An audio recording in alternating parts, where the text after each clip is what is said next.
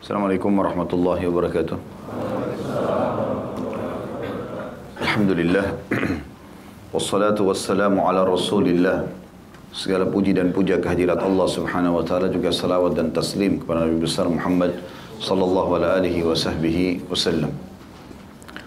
Melanjutkan pada buku kita teman-teman sekalian lebih dari seribu amalan sunnah dalam sehari semalam dan kita sudah membahas kemarin tentang masalah manfaat waktu untuk banyak beribadah secara umum dan juga bagaimana seseorang menghadirkan niatnya yang baik dalam setiap ibadah. Sedikit saya reviewkan saja, satu dua menit ke depan. Kalau dalam Islam, amalan-amalan yang mubah pun dibolehkan, tapi tidak ada pahalanya. Seperti makan, minum, tidur. Ini bisa diubah menjadi amal yang sunnah, artinya menjadi pahala. Tergantung niatnya. Innamal amalu bin niat. Jadi kalau kita lapar teman-teman sekalian bukan hanya sekedar ah saya lapar mau hilangin lapar. Itu mubah. Nggak ada pahalanya. Dia kalau kita ubah niatnya saja, kita niatkan makan karena ingin merawat tubuh yang Allah amanahkan ini. Karena lapar itu pun sinyal dari Allah kalau tubuhmu sedang butuh nutrisi. Maka akan berubah menjadi dari amal yang mubah menjadi sunnah. Minum juga begitu, bukan hanya sekedar hilangkan haus. Tapi memang haus itu sendiri sinyal dari sang pencipta Allah yang telah menciptakan badan dan ruh kita ini kalau tubuhmu sedang butuh cairan. Kalau dia minum dengan niat merawat tubuh yang Allah manahkan ada pahala. Tidur bukan hanya sekedar hilangkan capek dan meletakkan diri di ranjang, tetapi ingin memberikan hak tubuh yang Allah Subhanahu wa taala perintahkan diistirahatkan agar lebih kuat beribadah, mencari rezeki halal dan seterusnya. Maka ini termasuk di poin yang sudah disebutkan di halaman 116 sebelumnya ya. Masalah menghadirkan niat yang benar. Begitu juga seorang muslim memanfaatkan waktu waktunya untuk beribadah kepada Allah Subhanahu wa taala. Ada beberapa contoh tadi dijelaskan memperbanyak jalan menuju ke masjid, ya, baik berjalan kaki ataupun berkendaraan Eh, kemudian juga sudah disebutkan bagaimana menghadiri jamuan pesta yang di dalamnya tidak terkandung kemungkaran. Jadi itu selingan di luar rumah dia pergi ke acara yang diundang oleh saudaranya muslim kemudian dia makan dia niat untuk menjawab panggilan untuk undangan saudaranya muslim yang merupakan hak dia kemudian diikuti dengan makan membaca bismillah tangan kanan duduk uh, makan dalam posisi duduk berdoa sebelum dan sesudah makan dan memperbanyak zikrullah ini disebutkan di halaman 118 sudah kita paparkan itu tentunya. Juga seorang wanita yang sedang berhalangan haid ataupun nifas maka yang dia tinggalkan hanya yang dilarang saja. Seperti dia tidak boleh sholat dia tidak boleh puasa dan menyentuh fisik Al-Quran. Tetapi selain daripada ini seperti zikir pagi petang ya mengulang-ulangi hafalan surah dia hadir dalam majelis ilmu, bersedekah, bakti sama orang tua, bakti dengan suami, ngurus anak-anak, tetap dijalankan. Jadi yang dia tinggalkan hanya yang dilarang saja. Karena kapan seseorang yang haid lalu meninggalkan semuanya, maka tentu sangat terbuka pintu syaitan dalam dirinya untuk menguasainya. Karena kosong dari zikrullah, kosong dari doa, kosong dari sedekah dan seterusnya.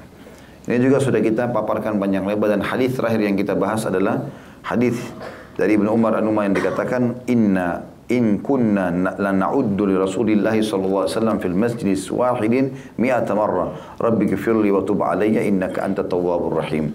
Sesungguhnya kami benar-benar menghitung zikir Rasulullah SAW dalam satu majlis atau pertemuan bahwasanya beliau mengucapkan seratus kali istighfar. Dalam majlisnya dengan mengatakan Ya Rob ampunilah aku dan terimalah taubatku. Sesungguhnya engkau maha penerima taubat. Jadi kalau Nabi SAW saja begitu lagi ngobrol sama teman-temannya tapi sedikit-sedikit Rabbi gifirli wa tub aliyya innaka tawwabur rahim. Ngobrol lagi, habis itu diselipkan lagi karena tidak maunya ada dosa yang tercatat di buku amalnya gitu kan. Ini ajaran Nabi SAW untuk kita tentunya.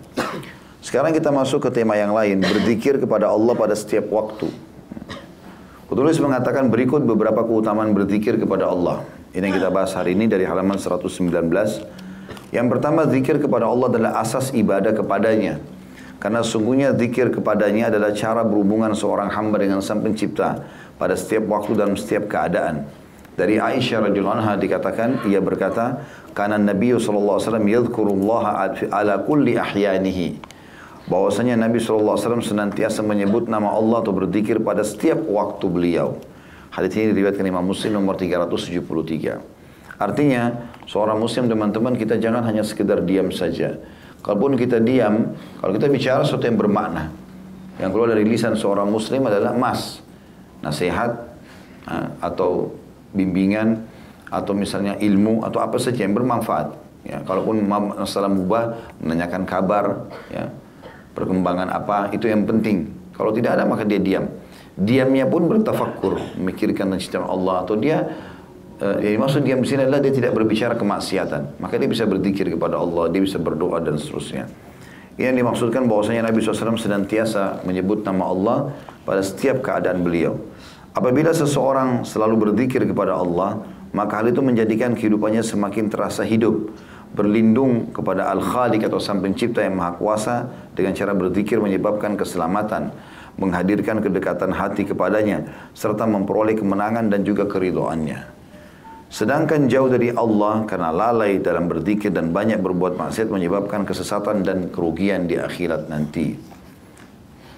Jadi ini cukup banyak dalilnya tentunya yang berhubungan dengan masalah itu nanti akan disebutkan setelah ini juga. Tetapi Nabi SAW dikatakan tidak pernah meninggalkan berzikir kepada Allah Subhanahu wa taala. Apa saja teman-teman?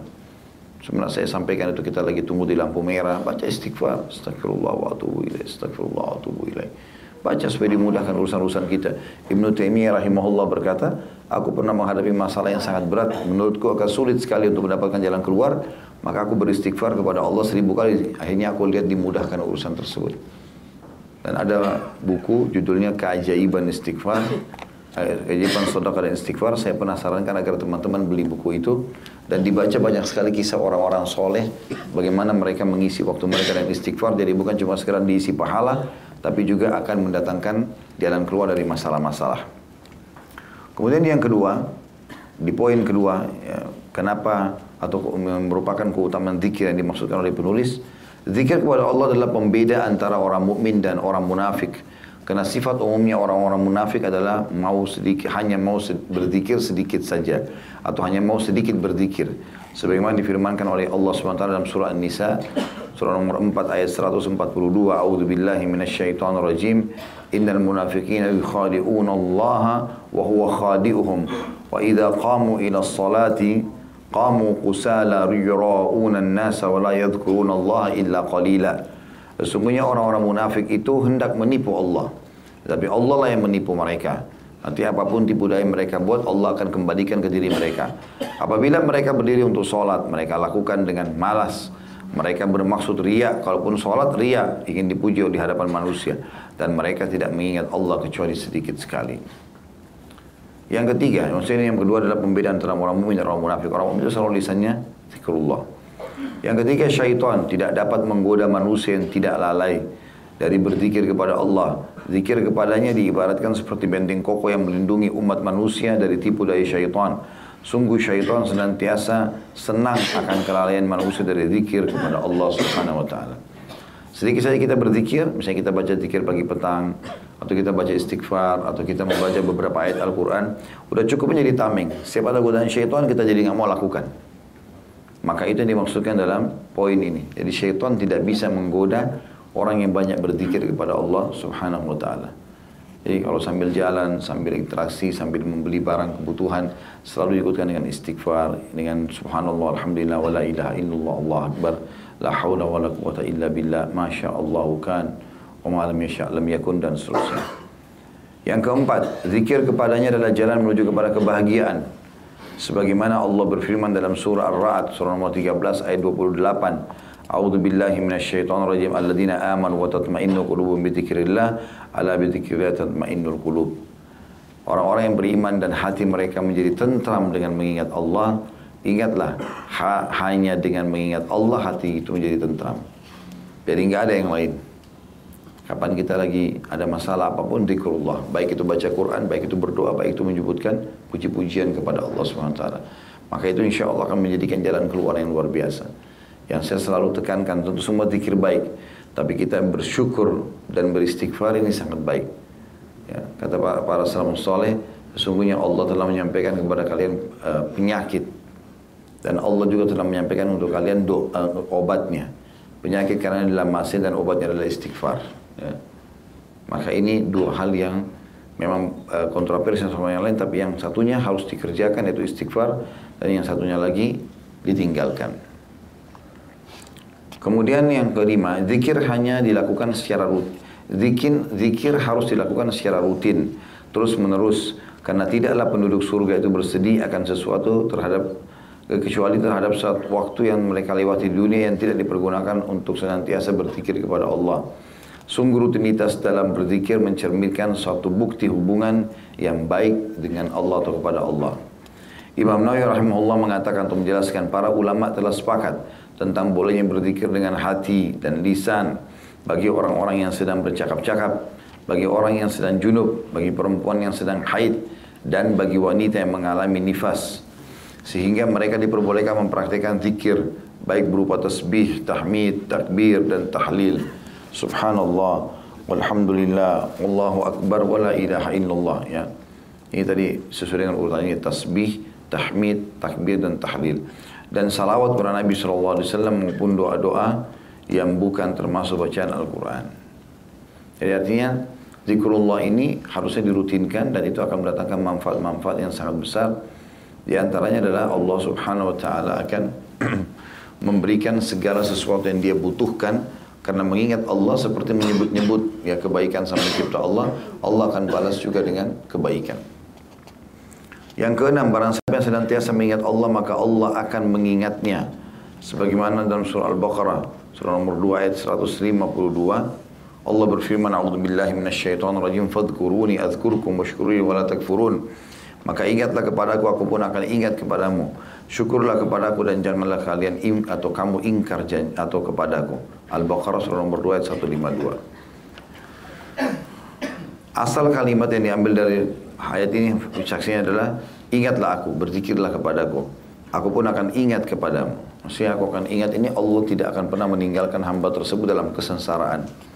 Dan bersyukurlah kepada aku atas nikmat aku berikan, maka jangan dan jangan kalian pungkiri nikmat itu. Seseorang pasti senang sekali jika seorang raja menyebut-nyebut dan memuji-mujinya di hadapan khalayak ramai. Maka bagaimana bila bagaimana pula apabila yang menyebut-nyebutnya adalah Allah, raja di, di raja yakni di hadapan para malaikat yang senantiasa berzikir kepadanya.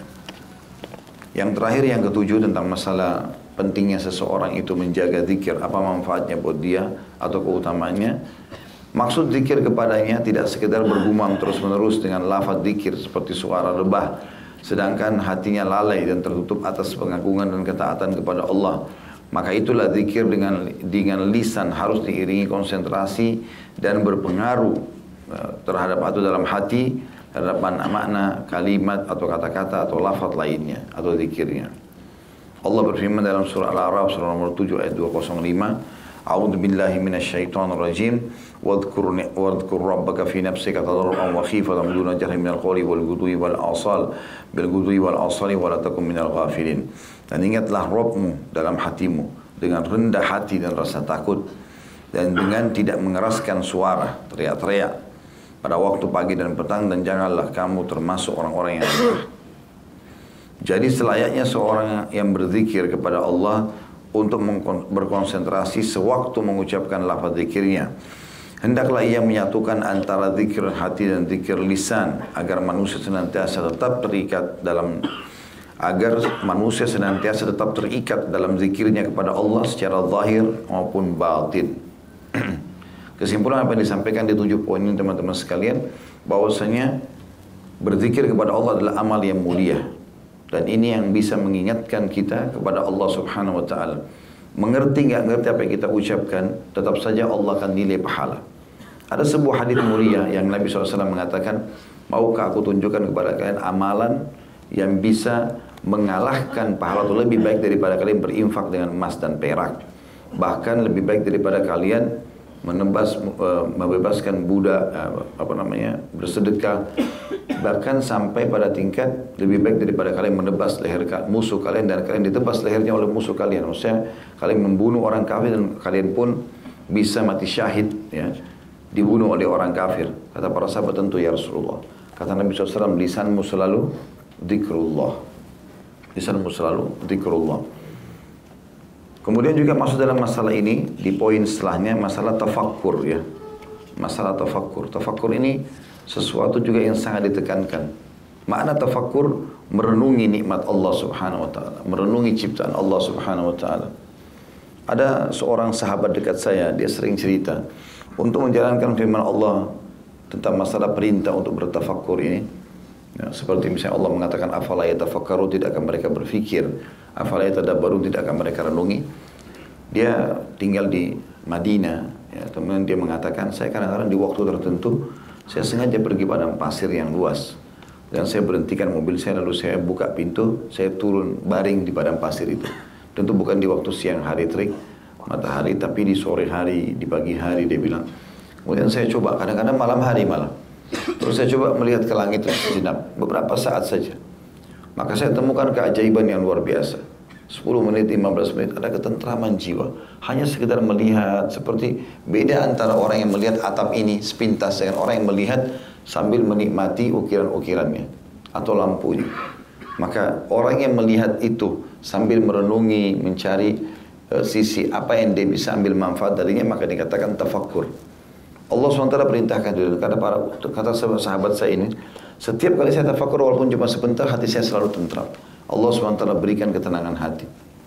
Oleh itu teman-teman bertafakur ini penting. Termasuk tidak mungkin bapak-bapak di sini tangan istri kita menjamah tubuh kita untuk membantu untuk memenuhi kebutuhan biologis atau menyiapkan makanan uh, atau misalnya mengurus anak-anak atau merawat rumah sebagaimana juga akhwat kita ibu-ibu tidak pernah mungkin tangan suami kita menjamah tubuh kita atau misalnya memberikan makanan atau perhatian ya, atau naungan. Semua itu tidak akan mungkin terjadi kecuali dengan izin Allah Subhanahu wa taala. Itu nikmat Allah yang sangat besar. Saya selalu ingatkan istri saya di rumah. Ingat nikmat Allah terlalu besar. Kita mau makan buka kulkas ada mau minum ada ada pembantu rumah tangga ada anak-anak ada ini ada itu. Banyak fasilitas tugas kita hanya menikmati dan bersyukur tapi banyak orang kufur nikmat Seakan-akan tidak ada nikmat Allah sama dia sama sekali. Jadi selalu isinya keluhan saja. Kenapa begini, kenapa begitu, kenapa begini, kenapa begitu. Ini semua bisa menjadi kufur nikmat. Dikatakan di poin ini senantiasa berpikir tentang nikmat Allah. Beranjak daripada sabda Nabi SAW hadis riwayat Tabarani nomor 6456. Kata Nabi SAW, tafakkaru fi ala illahi wa la tafakkaru fi illahi azza wa jalla. Berfikirlah kalian tentang nikmat-nikmat Allah dan jangan kalian berfikir tentang zatnya Allah. Kalau zatnya Allah tidak bisa kita bayangkan bagaimana matanya Allah, bagaimana tangannya Allah, kita nggak boleh. Tidak boleh kita masuk ke zona itu, dilarang oleh Nabi SAW. Tapi kita imani apa adanya. Allah mengatakan dia punya mata, tajri ini dalam Al-Quran, maka kita iman. Allah mengatakan ya yadullahi fawqa aydihim tangan Allah di atas tangan-tangan mereka. Kita imani, tapi kita tidak perlu menanyakan bagaimananya, gitu kan. Di sini dikatakan nikmat-nikmat Allah fikirkan. Kesehatan badan kita, kulit, ya, rambut, mata, selalu kita peka dalam menilai itu. Karena makin sering kita syukuri item-item yang walaupun sampai hal yang kecil dalam kehidupan kita, oksigen yang bisa kita hidup dengan hidung, mata yang bisa menangkap cahaya, telinga yang bisa membandingkan atau menangkap juga suara sehingga kita bisa memahami apa yang diinginkan oleh yang sebelah kita. Tangan bisa mengangkat, kaki bisa menjamah, kemaluan masih bisa berfungsi. Semua ini nikmat Allah yang luar biasa. Dan Allah bisa angkat setiap saat nikmat itu pada saat orang kufur. Ada orang subhanallah sehat sekarang, tiba-tiba stroke. Ya seperti itu ada orang baru beli mobil tiba-tiba tabrakan dari uang haram dan Allah bisa angkat nikmat itu semuanya. Mau dia mau atau tidak mau.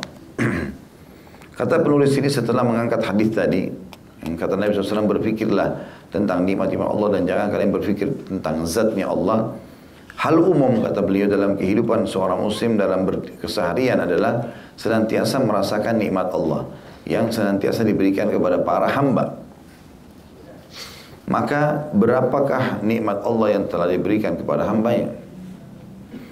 Berapa banyakkah bukti-bukti dari nikmat Allah yang bisa dilihat dan didengar didengarnya dalam setiap hari atau sehari semalam. Oleh karena itu secara otomatis wajib baginya untuk selalu memikirkan serta merenungkan nikmat-nikmat yang telah diberikan Allah kepadanya dan memujinya atas nikmat tersebut. Apakah engkau merasakan nikmat Allah kepadamu ketika dimudahkan menuju ke masjid untuk mendirikan sholat berjamaah? Lalu bagaimana orang-orang yang di sekelilingmu yang benar-benar dicegah dari mendapatkan nikmat tersebut? Terlebih lagi pada waktu subuh, Engkau pun melihat di rumah-rumah kebanyakan kaum muslimin mereka terlelap dalam tidur. Layaknya orang yang mati. Apakah engkau tidak merasakan nikmat yang telah diberikan Allah SWT tak kala engkau berjalan dan melihat begitu banyak pemandangan yang macam-macam? Saat ada kecelakaan mobil dan dari mobil-mobil lain terdengar suara-suara syaitan melalui alunan musik, apakah itu bentuk syukur untuk atas nikmat Allah? Demikianlah Allah memberikan pemahaman dan penjagaan untukmu karena, karena ketika banyak kerusakan, engkau justru mendapatkan nikmat. Jadi kalau makin peka kita lihat nikmatnya Allah, maka makin bersyukur kepada Allah. Dan dengan bersyukur maka akan selalu diberikan. Coba teman-teman peka, kita lagi minum air, renungi baik-baik bagaimana Allah mudahkan tangan kita punya power untuk bisa mengangkat gelas ini. Lalu tenggorokan kita atau lidah kita bisa menerima masukkan air tersebut. Lalu bagaimana air ini akan berfungsi memenuhi kebutuhan kita yaitu hilangnya haus. Ya. Sehingga kita tidak kehabisan cairan misalnya. Itu sebuah nikmat yang luar biasa. Bagaimana bisanya hidung kita, kalau kita sedang flu dan buntu hidungnya, kita tidak bisa bedakan mana bau busuk, bau wangi. Tapi subhanallah dengan sembuh dan Masya Allah seperti sekarang, maka kita bisa bedakan ini bau wangi dan bau busuk seketika. Mata kita tiba-tiba bisa bedakan, oh ini warna terang, ini warna gelap. ya Dan ini pemandangan indah dan pemandangan tidak. Maka itu sebuah nikmat yang luar biasa. Banyak orang yang buta. Kami pernah diajarkan oleh guru kami sambil dia mengatakan atau beliau mengatakan kalau kalian mau lihat besar nikmat Allah pada mata kalian tutuplah mata itu sejenak satu menit saja. Kemudian bayangkan kalau kita seperti ini selamanya. Maka berarti berapa banyak orang di luar sana yang telah dibutakan matanya oleh Allah Subhanahu wa taala dan kita masih mendapatkan nikmat itu. Dan sekian banyak manfaat-manfaat nikmat yang sudah disebutkan oleh para ulama. Sebagai penutup di sini dalam bab ini tentunya Apakah engkau tidak merasakan kata beliau nikmat yang telah diberikan Allah saat engkau mendengarkan atau membaca surah kabar surat ka, surat uh, surat kabar ya yang memberitakan tentang perkembangan dunia internasional berupa kelaparan, bencana banjir, wabahnya mewajah mewabahnya penyakit, mewabahnya penyakit, kecelakaan, gempa bumi juga peperangan dan pengusiran antara sama manusia. Bandingkan kondisimu dengan kondisi orang-orang yang ditimpa musibah tersebut Hamba yang sukses ialah hamba yang hati, perasaan dan inderanya senantiasa tidak dilalikan tentang tidak dilalikan tentang nikmat atau terhadap nikmat yang telah diberikan Allah kepadanya pada setiap keadaan, situasi dan kondisi mana pun. Tentu ini dia bicara secara umum tentang masalah bagaimana kita pekah dalam menilai nikmat-nikmat Allah Subhanahu wa taala. Sebagai berikut dalam paragraf ini dan kalau ada pertanyaan silakan disiapkan di poin-poin ini. Dan setiap fenomena yang ia ia senantiasa berada dalam keadaan memuji Allah dan bersyukur kepadanya terhadap segala nikmat yang diberikan berupa nikmat Islam, kesehatan, kelapangan, dan keselamatan dari setiap kejahatan. Kita dalam keadaan Islam saja teman-teman sekalian. Lahir dalam keadaan Islam dan kita bersatu sebagai seorang muslim walaupun masih banyak ibadah mungkin yang kita belum kerjakan itu sudah sebuah kenikmatan yang luar biasa.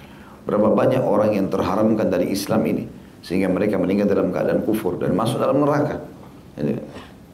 Abu Jahal itu adalah orang yang pernah menikahkan anaknya dengan anak Nabi Shallallahu Alaihi Wasallam. Maaf, Abu Lahab, paman Nabi SAW.